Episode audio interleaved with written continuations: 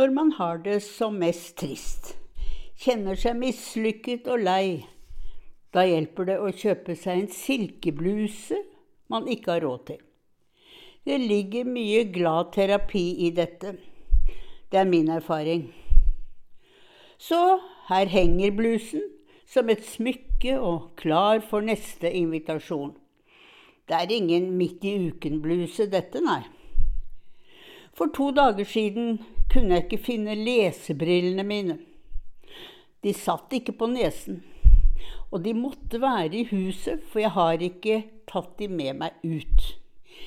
I stuen hvor jeg leser, i blåstolen, var de ikke, verken i kurven med avisene, boken og strikketøyet, ikke under stolen eller under sofaen. Borte. På soverommet fant jeg dem heller ikke. Ikke bak eller under eller i sengen. Borte vekk. Jeg trenger lesebriller. Jeg må altså kjøpe nye. Synet mitt er dyrt, og dessuten er jeg snobbete også i ansiktet.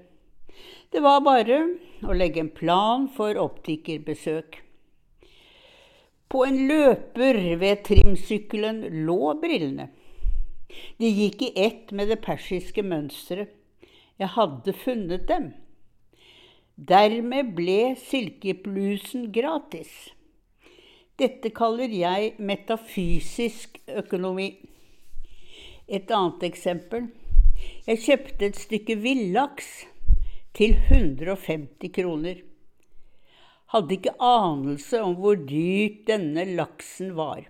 Bare pekte stykket ut, og så dro jeg hjem, også med øvrige varer fra Georg Nilsens fristelser. Jeg syns kanskje handleposen kostet i overkant, men sjekket først opp ved hjemkomst. Et gammelt knep er da å servere seg laksen med hvitvin fra en flaske man har fått som gave. Da blir jo middagen nesten gratis. Jeg tror ikke min sønn og datter i finansverdenen bør høre hvordan deres mor husholder sin privatøkonomi.